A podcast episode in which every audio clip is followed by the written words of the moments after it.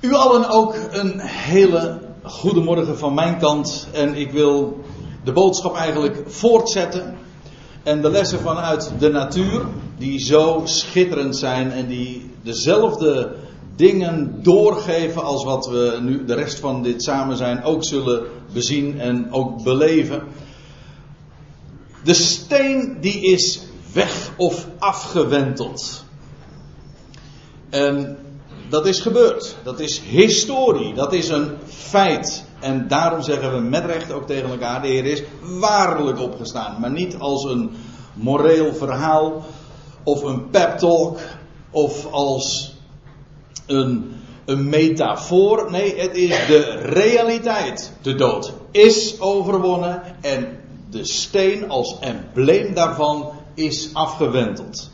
En bij dat begrip wil ik u vanmorgen eens in het bijzonder bepalen.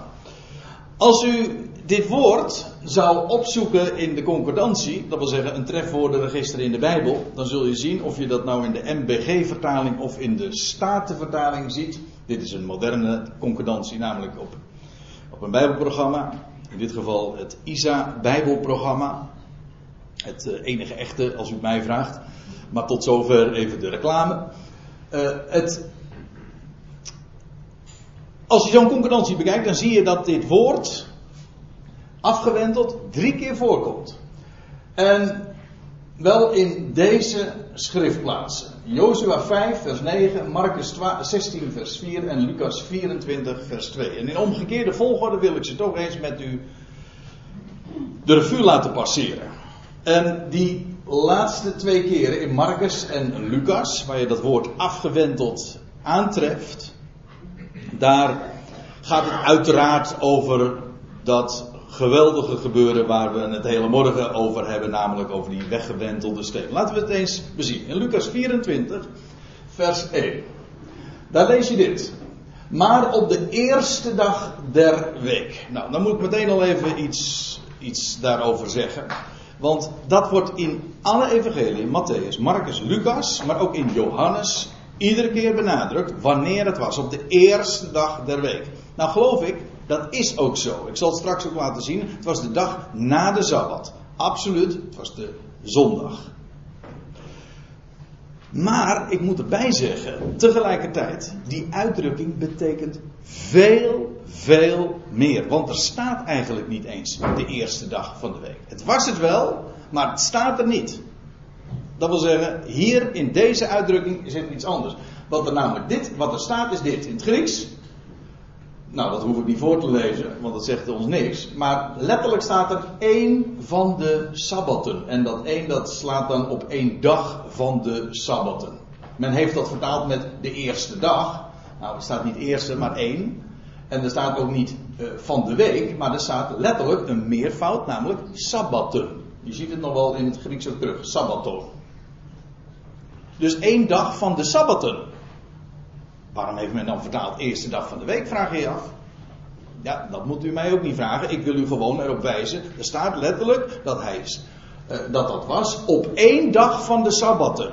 En dan moet je teruggaan om dat te begrijpen naar de Bijbelse kalender. En zoals God zijn hoogtijden had ingepland. En daar wil ik u eens vanmorgen mee confronteren. Want om deze uitdrukking te begrijpen moeten we terug naar Leviticus 23. Dat is het hoofdstuk bij uitstek waarin alle hoogtijden van de Here, dat wil zeggen de hoogtijden van Yahweh, staan opgetekend. Keurig op een rijtje. Leviticus 23 moet je onthouden. Dat is geweldig, want daar wordt het allemaal zo op rij neergezet. Dan lees je dit. In Leviticus 23, vers 15. Dan, namelijk in de week van Pesach, dan zult gij tellen van de dag na de Sabbat. Daar heb je het. Van de dag waarop gij de garven van het beweegoffer gebracht hebt. U moet dit weten.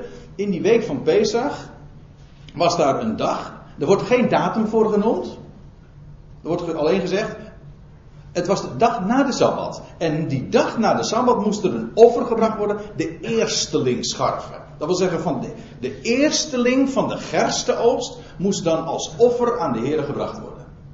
Nogmaals, daar wordt geen datum voor gegeven. Het wordt alleen gezegd op welke dag van de week het was, namelijk dag, daags na de Sabbat. Oftewel de dag na de zaterdag, oftewel de zondag. Dat klopt. Dat wordt er gezegd. En dan moest de eersteling, want dat, maar daar kom ik later nog even op, over te spreken. De eersteling van de gerstenoogst moest dan aan de Here gebracht worden. Op die dag. De eersteling van de oogst. De oogst zou nog volgen, maar dan zou de eersteling voor de zijn. Nou, en waarom zeg ik dat nou? Nou, dat was de dag na de Sabbat, van de dag waarop gij de garven, garven dat wil zeggen een schoof, van het beweegoffer gebracht hebt. En dan zeven volle sabbatten zullen het zijn. Tot de dag na de zevende sabbat zult gij tellen, vijftig dagen. En wat zouden we dan krijgen? Pinkster. Pinksteren betekent de vijftigste. Men moest gaan tellen. En dan kom je weer uit op een dag na de Sabbat natuurlijk.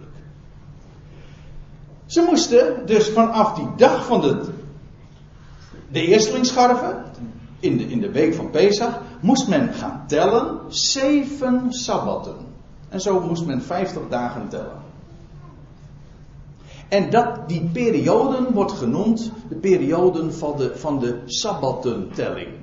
Nou, op dag nummer 1 van die periode, dat is dus de dag waarop het beweegoffer gebracht werd, de dag van de eerstelingsscharven, op die dag gebeurde dit.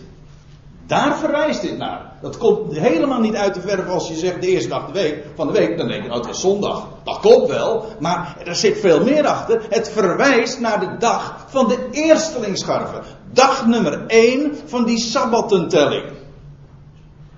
Dus al de evangelieën wijzen juist in die uitdrukking naar die speciale dag die God al had geordineerd. Dat wil zeggen vastgesteld, had gefixeerd 1500 jaar van tevoren al, wanneer de eersteling zou worden gebracht aan de Heer. Op die dag gebeurde dit. Dat is geweldig.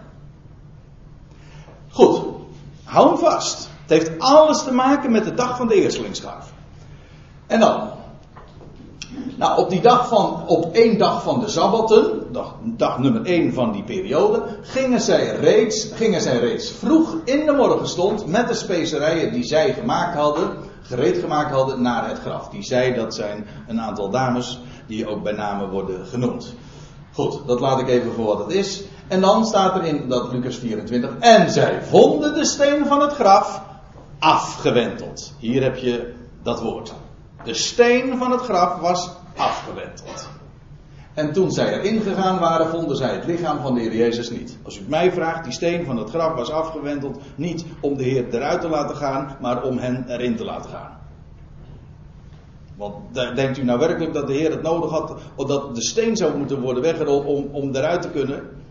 Nou, we weten uit de rest van de opstandingsgeschiedenis dat dat helemaal niet het geval was. Want diezelfde dag nog zou hij verschijnen, terwijl de ramen en de deuren gesloten waren. En hij verscheen midden in hun, in, in hun midden. Het was dus niet, helemaal niet om de Heer eruit te laten gaan, maar om hen ervan te overtuigen dat het graf leeg was. En toen zij erin gegaan waren, ja, daarom was hij afgewenteld, vonden zij het lichaam van de Heer Jezus niet. Alsjeblieft, hier is het bewijs. Goed. Tweede schriftplaats. Ik ga dus in omgekeerde volgorde eh, nu eventjes dat rijtje van drie langs. Marcus 16, daar lees je. En zij, daar hebben we het weer over diezelfde dames, die vooral Maria heten allemaal. En zij zeiden tot elkander: Wie zal ons de steen afwentelen van de ingang van het graf? En dan moet je het eigenlijk lezen zoals de Statenvertaling het ook weergeeft. Want zoals de MBG het weergeeft is het heel onlogisch. Dus dit, is een tussenzin, er staat tussen haakjes. En toen zij op, dus terwijl zij zich die vraag stelden, en toen zij opzagen, aanschouwden zij dat de steen afgewenteld was. Nummer 2. Want hij was zeer groot. Dat want hij was zeer groot, dat is een antwoord op deze vraag. Wie zal ons de steen afwentelen van de ingang van het graf? Want hij was zeer groot. En met dit dan als tussenzin. Naar de mens gesproken kon die steen helemaal niet eens weggewenteld worden door deze dames. Dat kon helemaal niet, want die steen was zeer groot. Ik moet er trouwens bij zeggen, die steen was bovendien verzegeld met een keizerlijk keurmerk. En weet u wat dat betekent? dat het op straffen van de dood, notabene met van de hoogste autoriteit destijds op aarde, op straffen van de dood zou die, zou die zegel worden, weg, uh, worden verbroken en de steen worden weggewenteld.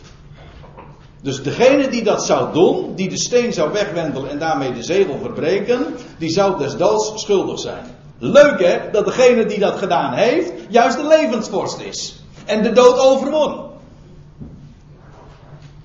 Dus het afwentelen, daar, het afwentelen van de steen is juist een lange neus trekken tegen alle overheden en machten. Staat in de Colossense brief ook. En hij heeft de overheden en de machten openlijk tentoongesteld. Nou, dat kun je wel zeggen met het wegwendelen van die steen, want dat was daarmee ook de zegel was verbroken. De mens kon die steen helemaal niet wegwentelen. In, qua fysieke kracht niet, dat was niet aan de mens. Mocht bovendien ook helemaal niet. En dat alles wordt in dit ene woord gewoon overwonnen. Blijkt totaal geen bezwaar te zijn, want het was gebeurd. Het is een historisch feit. Deze vrouwen die zagen gewoon wat er gebeurd was. Kijk, en dat is ook precies wat de Bijbelse boodschap is. Het vertelt helemaal niet wat een mens moet doen. Trouwens, het vertelt wat een mens niet eens kan doen. En ook helemaal niet hoeft te doen. Dat is het mooie. Dat klinkt erg hard, terwijl realiseer ik me. Maar goed, dat komt wel mooi uit. Want inderdaad, dat hoeven wij ook helemaal niet te doen. Het is namelijk gedaan. De steen is afgewenteld. En wat geen mens kan doen, en terwijl, en dat is daarmee natuurlijk ook een schitterend embleem ook, van de dood die is overwonnen. Want geen mens is in staat om die dood te overwinnen. Als ergens blijkt dat een mens gewoon met lege handen staat, dan is het juist bij de dood. Kan je niks meer mee. We zijn stervelingen op weg naar de dood. En dan? Nou, dat is niet aan de mens. Als daar een nieuw leven is, dan moet het van boven komen van God. En daar spreekt inderdaad die afgewentelde steen van. Maar nu gaan we nog naar het andere schriftplaats. En dat is naar het Oude Testament. En wel naar Jozua 5. En daar vind je het woord afgewenteld opnieuw. Of ik moet eigenlijk zeggen voor de eerste keer. Maar ik zei al, we behandelen het nu in omgekeerde volgorde. En dat is zo mooi. Want ik vertelde u zojuist al over die dag van de eerstelingsscharven.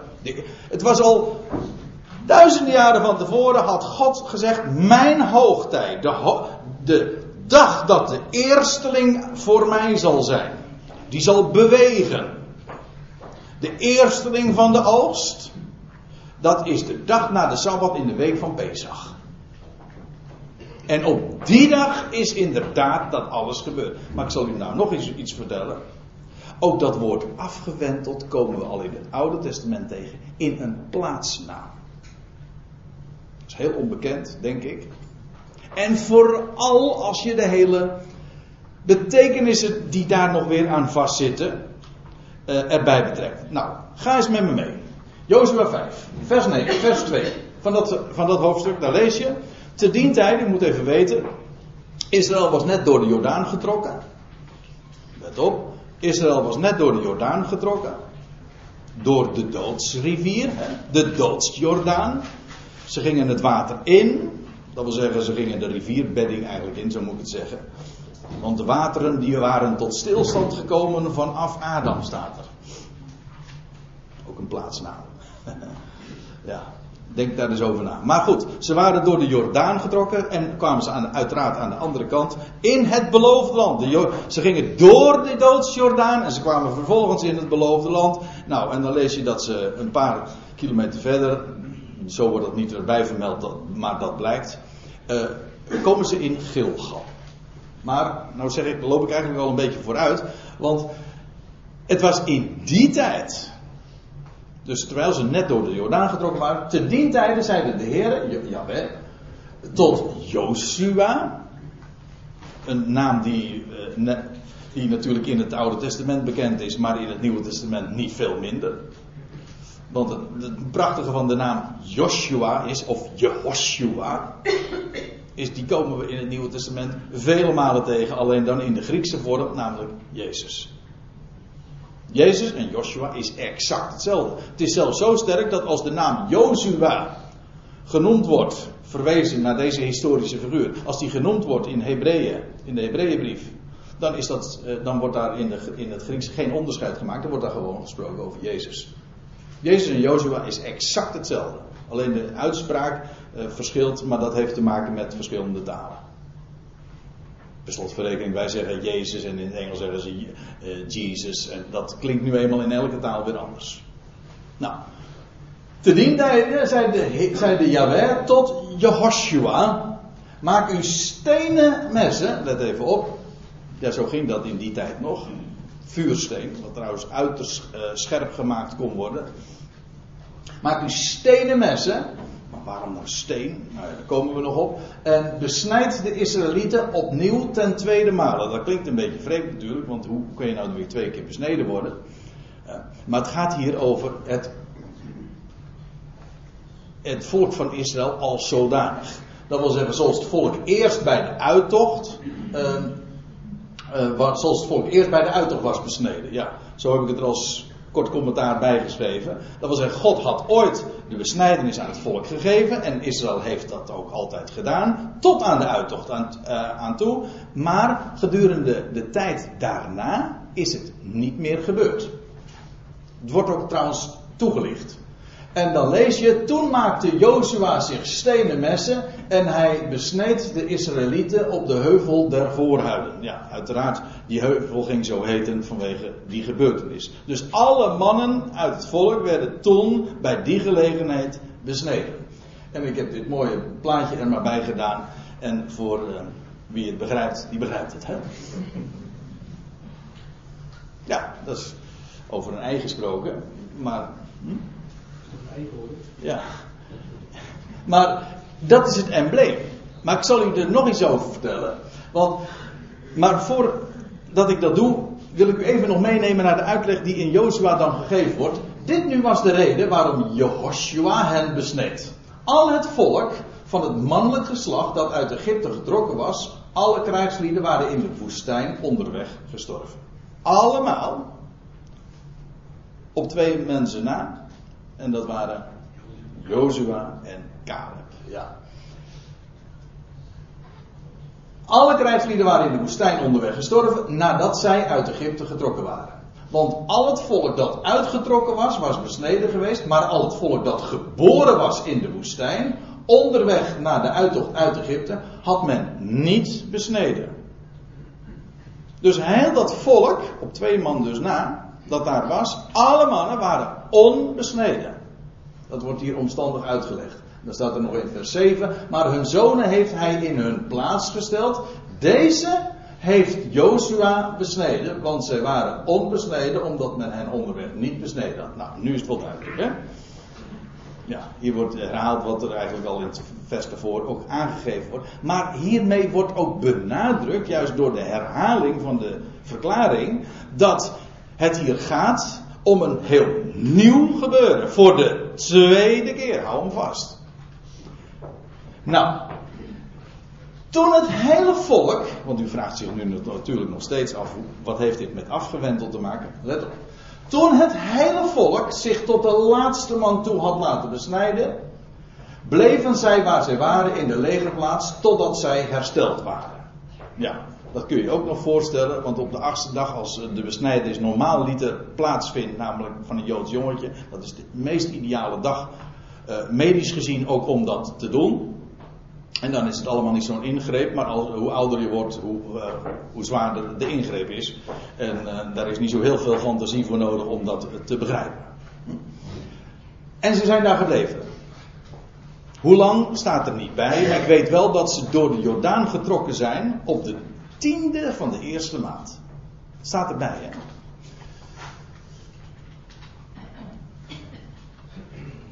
Kom er straks nog terug. De tiende van de eerste maand, dat is de dag dat het paasga of het paaslam in huis genomen moest worden. Op die dag trok men door de Jordaan. Goed. En dan, vers 9. En de Heere zeide tot Jozua: Heden heb ik de smaad van Egypte van uw lieden afgewenteld. Kijk, en hier heb je de derde keer. Of eigenlijk dus de eerste keer dat het woord voorkomt.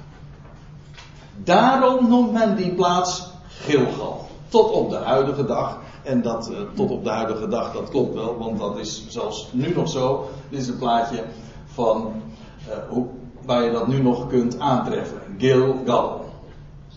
De Arabische letters vlakbij Jericho, dus vlakbij de Jordaan. In het zuiden van de Jordaan, vlakbij de Dode Zee is dat. Heden heb ik de smaad van Egypte van uw lieden afgewend. Dat wil zeggen, hier brak een heel nieuwe periode aan. En alles wat nog maar herinnerde aan Egypte. En ook aan de smaad van Egypte. Want Egypte heeft natuurlijk hen gesmaad. Dat lees je ook in Deuteronomium. Dat Egypte hen weghoonde omdat het hele volk omkwam in de woestijn. Ze waren notabene uitgetrokken. En nou, daar was het volk in de woestijn. En ze gingen maar ze, bleven daar in de woestijn en het volk heeft daar 40 jaar gezworven. En wat een smaad heeft dat in het land Egypte ook opgeleverd. Maar alles wat herinnerde aan Egypte, dat was nu voorbij. Afgewenteld. Een hele nieuwe periode. En dan staat er, daarom noemt men die plaats Gilgal. En wat betekent Gilgal? Dus afgewenteld. Gilgal betekent afgewenteld. Dat is leuk. Want, eh, nou neem ik u even mee. Ik heb ooit eens een, eh, een aantal jaren modern Hebreeuws, Ivriet, eh, geleerd. Dat is alweer meer dan 30, ja, wat zeg ik, 35 jaar geleden of zo. En toen heb ik me een boek aangeschaft. Een woordenboek dat in die tijd ook is uitgekomen. Woordenboek Hebreeuws-Nederlands. Modern Hebreeuws. En je ziet dat nog in het modern Hebreeuws terug. Ik zal u eens even meenemen wat daar in zo'n zo'n boek te vinden is. En ik heb even een scan gemaakt. Nou, dan zie je bijvoorbeeld dit.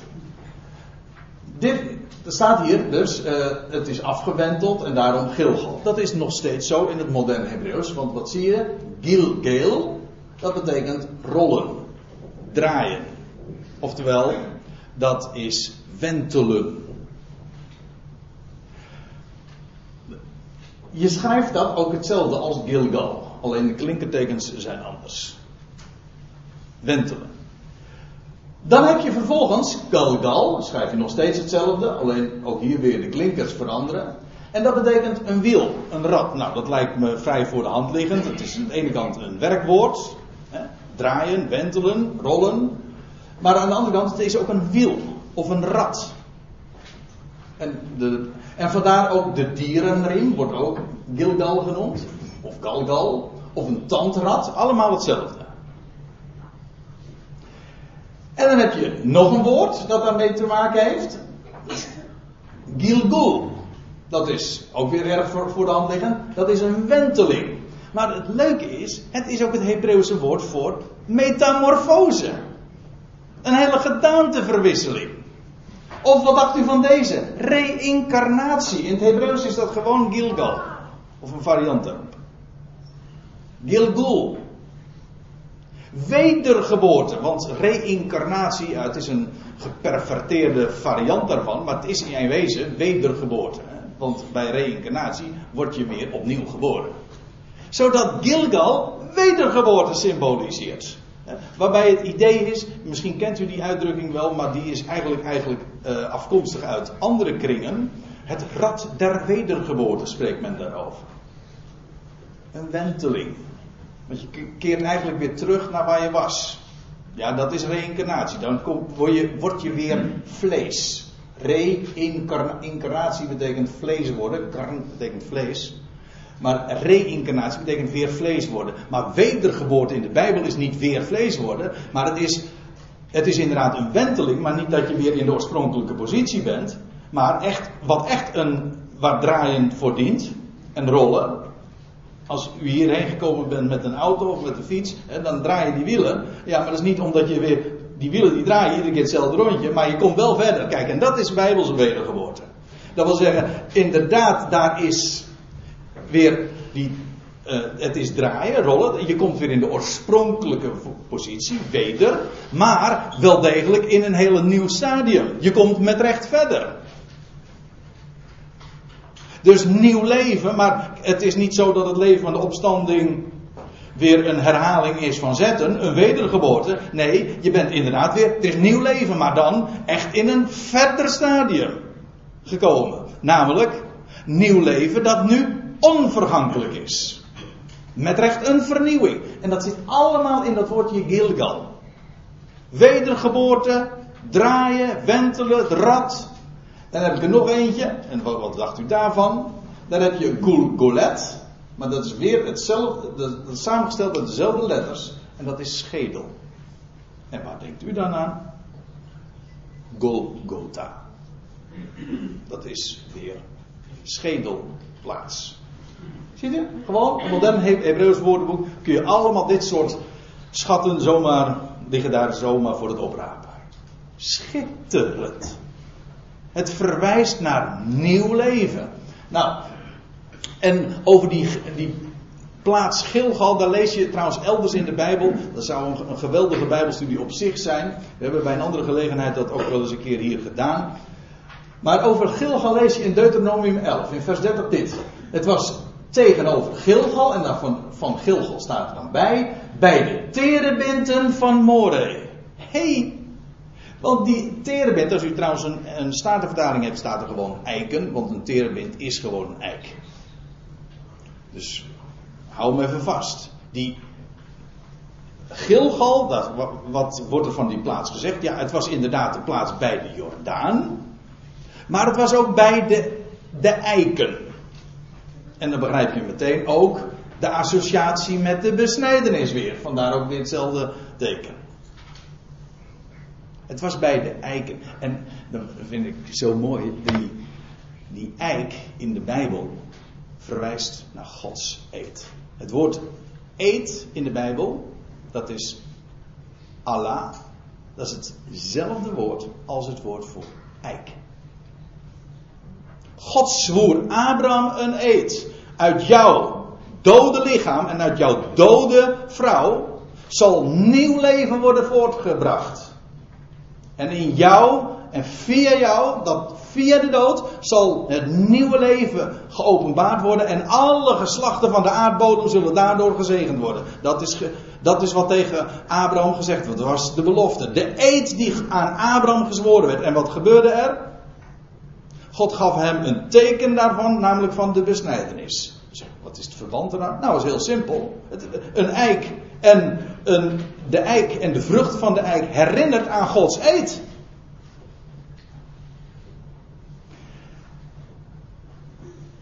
Leven dat sterker is dan de dood. Daar heeft het alles mee te maken. More, dat betekent trouwens onderwijs. Dat is het onderwijs van Gilgal. Het heeft te maken met Gods eedswering. God zweert dat de dood wordt overwonnen. Daar heeft Gilgal alles mee te maken. En dan begrijp je ook meteen waarom Abraham iedere keer zich vestigde bij een eikenboom. Kijk het maar na. Niet alleen Abraham, maar ook bij Isaac en bij Jacob. Je vindt het iedere keer weer terug. Alles vond plaats bij een eik. Waarom? Omdat het hem per definitie herinnerde aan Gods eedswering. Aan nieuw leven. Ik heb nog één. Dat is Jozua 4. We hadden het over Jozua 5, maar nu even naar Jozua 4. Daar lees je, het volk nu is uit de Jordaan opgeklommen op de tiende van de eerste maand en ze legerden zich te Gilgal. Dit, is dus nog, dit gaat nog vooraf aan wat we zojuist lazen in Jozua 5.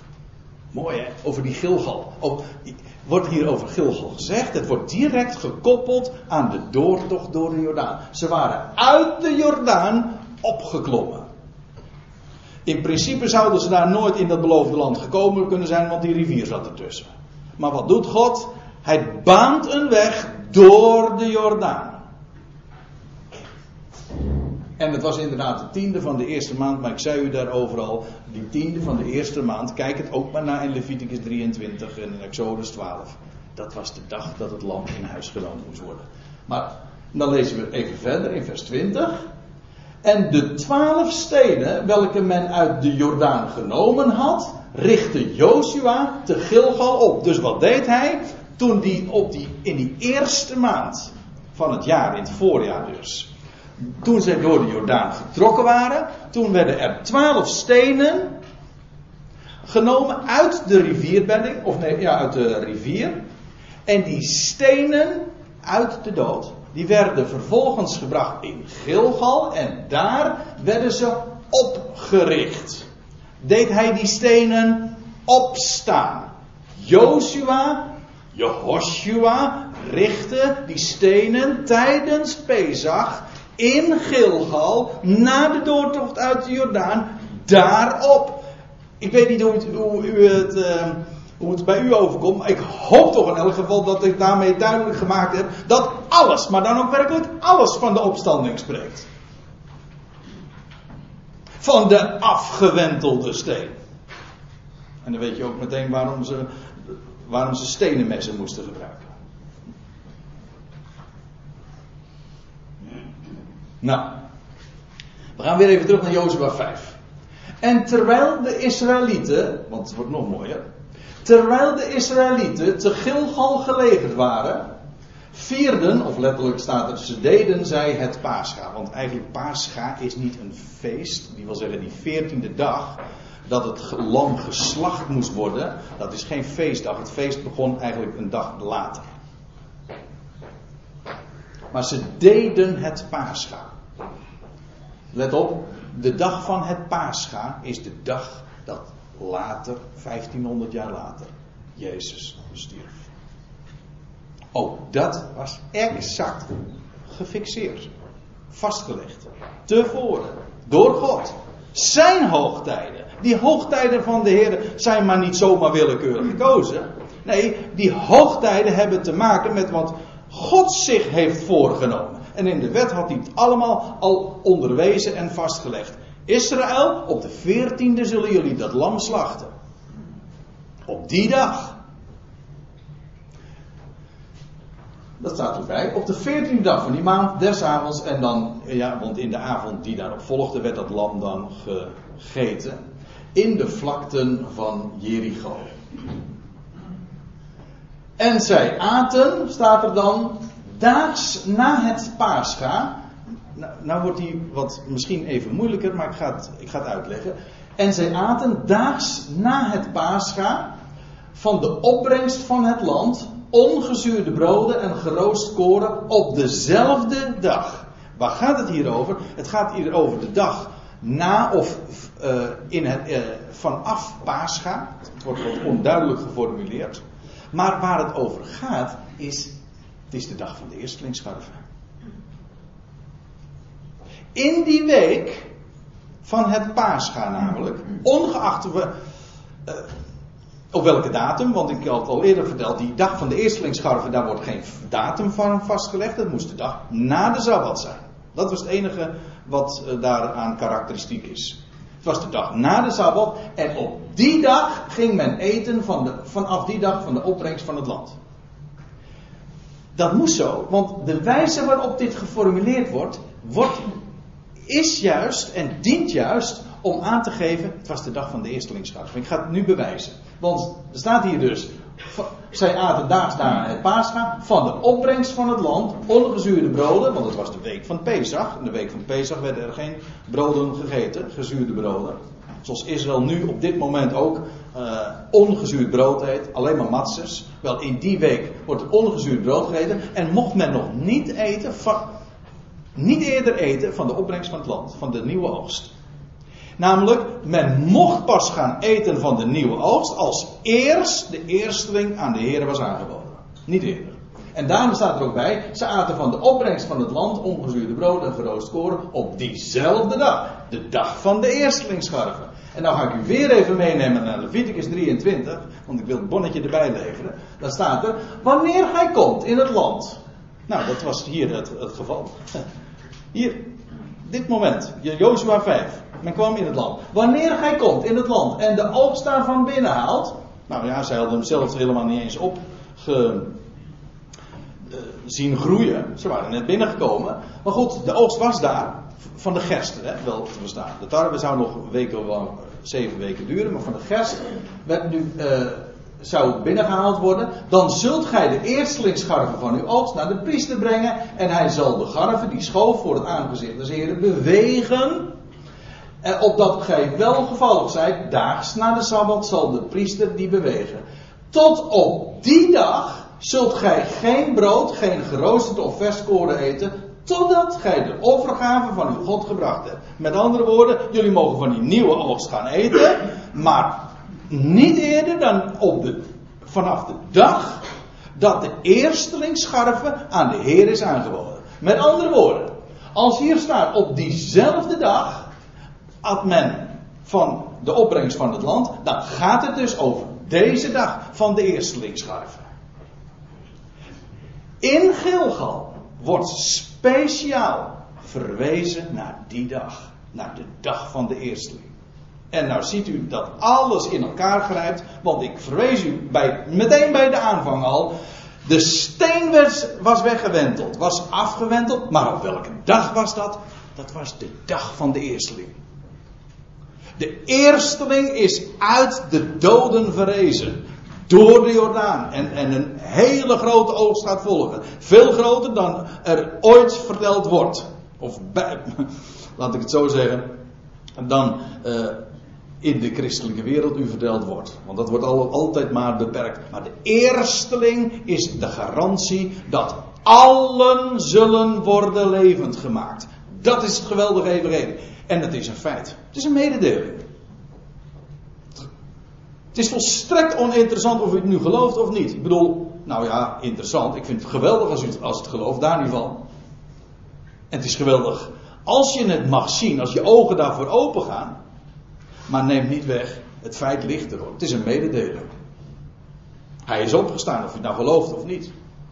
En dat nieuwe leven is ook voor u. Of je het nou gelooft of niet. Daarom is het ook een bericht. Het is niet een morele oproep. Zo van wat doe je ermee? Nee, het is een mededeling. En voor degene die het gelooft, daarvan zegt de Bijbel, het is een kracht Gods, het evangelie is een kracht Gods voor een ieder die het gelooft. Geloof het, die mededeling, en het zal zijn kracht bewijzen. Per definitie. Nou, op diezelfde dag staat er. En dan lees je er nog bij. En het manna hield op daags nadat zij van de opbrengst van het land hadden gegeten. En daags nadat, dat is dus vanaf die dag, werd er geen manna meer door God gegeven. 40 jaar lang heeft men in de woestijn manna, brood uit de hemel ontvangen. En wanneer hield het op? Wat was de laatste dag dat het gebeurde? De dag van de eerstelingsscharf. Wat een omwenteling voor hen. Het was een omwenteling omdat daar in Gilgal de besnijdenis plaatsvond. Er was een nieuw leven ontstaan in het beloofde land. over een omwenteling gesproken. Een, wij noemen dat een omwenteling. Een revolutie. Nou, als er één revolutie, één omwenteling is, dan is het dit. De, af, de omwenteling, de afwenteling van de steen. En die dag van de eerstelingsscharven, toen hield ook, historisch, het manna op. Het was de laatste dag. En het manna hield op daags nadat zij van de opbrengst van het land hadden gegeten. Dus staat erbij, hadden de Israëlieten geen manna meer, maar ze aten dat jaar van wat, eh, van wat het land Canaan opleverde. Met andere woorden, dat manna, wat ze tot dusver hadden genoten, dat werd vanaf nu gerst. Juist op diezelfde, hoe staat het er nou? Op dezelfde dag. Die dag. Daar wordt in Gilgal alle nadruk op gelegd. Op die dag vond die, vond die omwenteling ook plaats. Het is dus in alle opzichten een omwenteling. Het was de dag van de eerstelingsscharven. Manna, brood uit de hemel. Het levende brood. Ja, dat werd in het vervolg vervuld, die functie, door het gerst. Door de eerstelingsscharf. Gerst in de Bijbel heeft daar alles mee te maken. Heeft te, mij, te maken met nieuw leven. Kijk het maar in de Bijbel na. Het is voorjaar. Nieuw leven. En op die dag is, of in die tijd is Israël door de Jordaan gegaan. Jawel, maar dat niet alleen. Op die dag in die tijd brak ook de gerstenoogst aan. En ik herinner me dat we jaren geleden eens een keertje een hele serie ook hier uh, bijbelstudies gehouden hebben over, over het boek Rut. En dan lees je dat Naomi, nou ja, ze zegt noem mij Mamara. En dan komt ze in het land. Komt ze in Bethlehem aan, ja ja. En dan komt ze in Bethlehem aan en dan lees je, zegt noem mij Mamara, bitterheid. Maar dan staat er aan het einde van hoofdstuk 1. Het was het begin van de gerstoogst. Einde van Rut 1. Dat wil zeggen, nieuwe hoop. Want het eerstelingsscharven, het begin van de gerstoogst, dat is de dag van de eerstelingsscharven. Vanaf die dag is er inderdaad hoop. Daar verwijst gerst naar, naar nieuw leven. Nou, ik realiseer me dat als ik dit zo allemaal verteld heb, dat u zegt van dat zijn wel heel veel uh, bijbelse ideeën en schriftplaatsen en gedachten. Laat ik het voor u nog eventjes kort op een rijtje zetten. Zeven punten. Wat dacht u hiervan? Afgewenteld. Waar verwijst dat naar? Naar de weggewentelde steen. Eén ding is duidelijk. Geen mens kon dat doen. En mocht het ook doen. Het is geen mensenwerk. Maar dat is nu precies ook het evangelie. Het is niet wat van een mens verwacht wordt. Een mens hoeft het niet te doen, hij doet het. Afgewenteld is bovendien, en daar heb ik u voor de rest van deze toespraak vooral ook bij bepaald. Het is een belangwekkende plaats in de Bijbel. Afgewenteld herinnert aan een plaats daar in het land Canaan. Gilgal betekent ook afgewenteld. Het is de plaats na de doortocht door de Jordaan. Door de Jordaan. Daar werden ze besneden. Ook een embleem van dat de dood is overwonnen. Dat wil zeggen, Abraham was niet in staat, want daar eh, gaat het naar terug. Abraham was niet in staat om nieuw leven voor te brengen. En als embleem kreeg hij, een, kreeg hij het teken van de besnijdenis. Het mes werd in het vlees gezet. Als het ware, verwachten daar niet van. Maar de vrucht van nieuw leven wordt daar juist door zichtbaar. Ziet u hoe alles in de Bijbelse boodschap, maar nou ja, u al eerder hebben we gehoord, alles in de natuur, met name dan in het voorjaar, spreekt van nieuw leven. Dat is wat God als het ware in onze oren toetert. Nieuw leven, de dood is overwonnen. Nou, het was ook de plaats Gilgal waar stenen uit de Jordaan werden opgericht. Op Joshua, de, deed die stenen opstaan. Waar Israël de dag van de eerstelingsscharven vierde. En vanaf die dag van de eerstelingsscharven hield het manna op en werd manna in het vervolg gerst.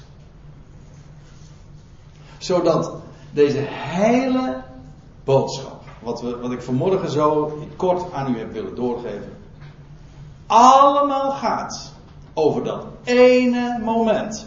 Hoe dan ook. En waar, van welke perspectief je het ook benadert. Bij wat God heeft gedaan. De steen is afgewenteld. En nieuw leven is aangebroken. Inderdaad, het is verborgen. Nu nog steeds. Het is nog steeds verborgen. Maar we weten toch, zo begint elk nieuw leven. En dat nieuwe leven dat overwint, want hij kwam om de dood te overwinnen. En weet u wat het geweldig is? De dood is, is al overwonnen, maar de dood wordt teniet gedaan. Er zal geen dood meer zijn. En weet je hoe God dat doet? Hoe doet hij de dood er niet? Hij wekt allen tot dat nieuwe leven. Al die miljarden mensen. Eigenlijk deze aarde is één grote begraafplaats. En al die miljarden mensen, wie ze ook zijn, wat ze ook op hun kerfstok hebben, wat hun verleden ook is, of ze het nou geloofden of niet, al die mensen zullen nieuw leven ontvangen. Van God, dat leven wat toen op die dag van de eerstelingsscharven aan het licht kwam. Ze zullen het allemaal krijgen. Puur om niets. En dat, lieve mensen, dat is het goede bericht. werkelijk evangelie. Amen. Zullen we er nog een lied over zingen? Ja. Nou, gelukkig. Die is het ermee eens. Hoogtijd voor een lied, geloof ik.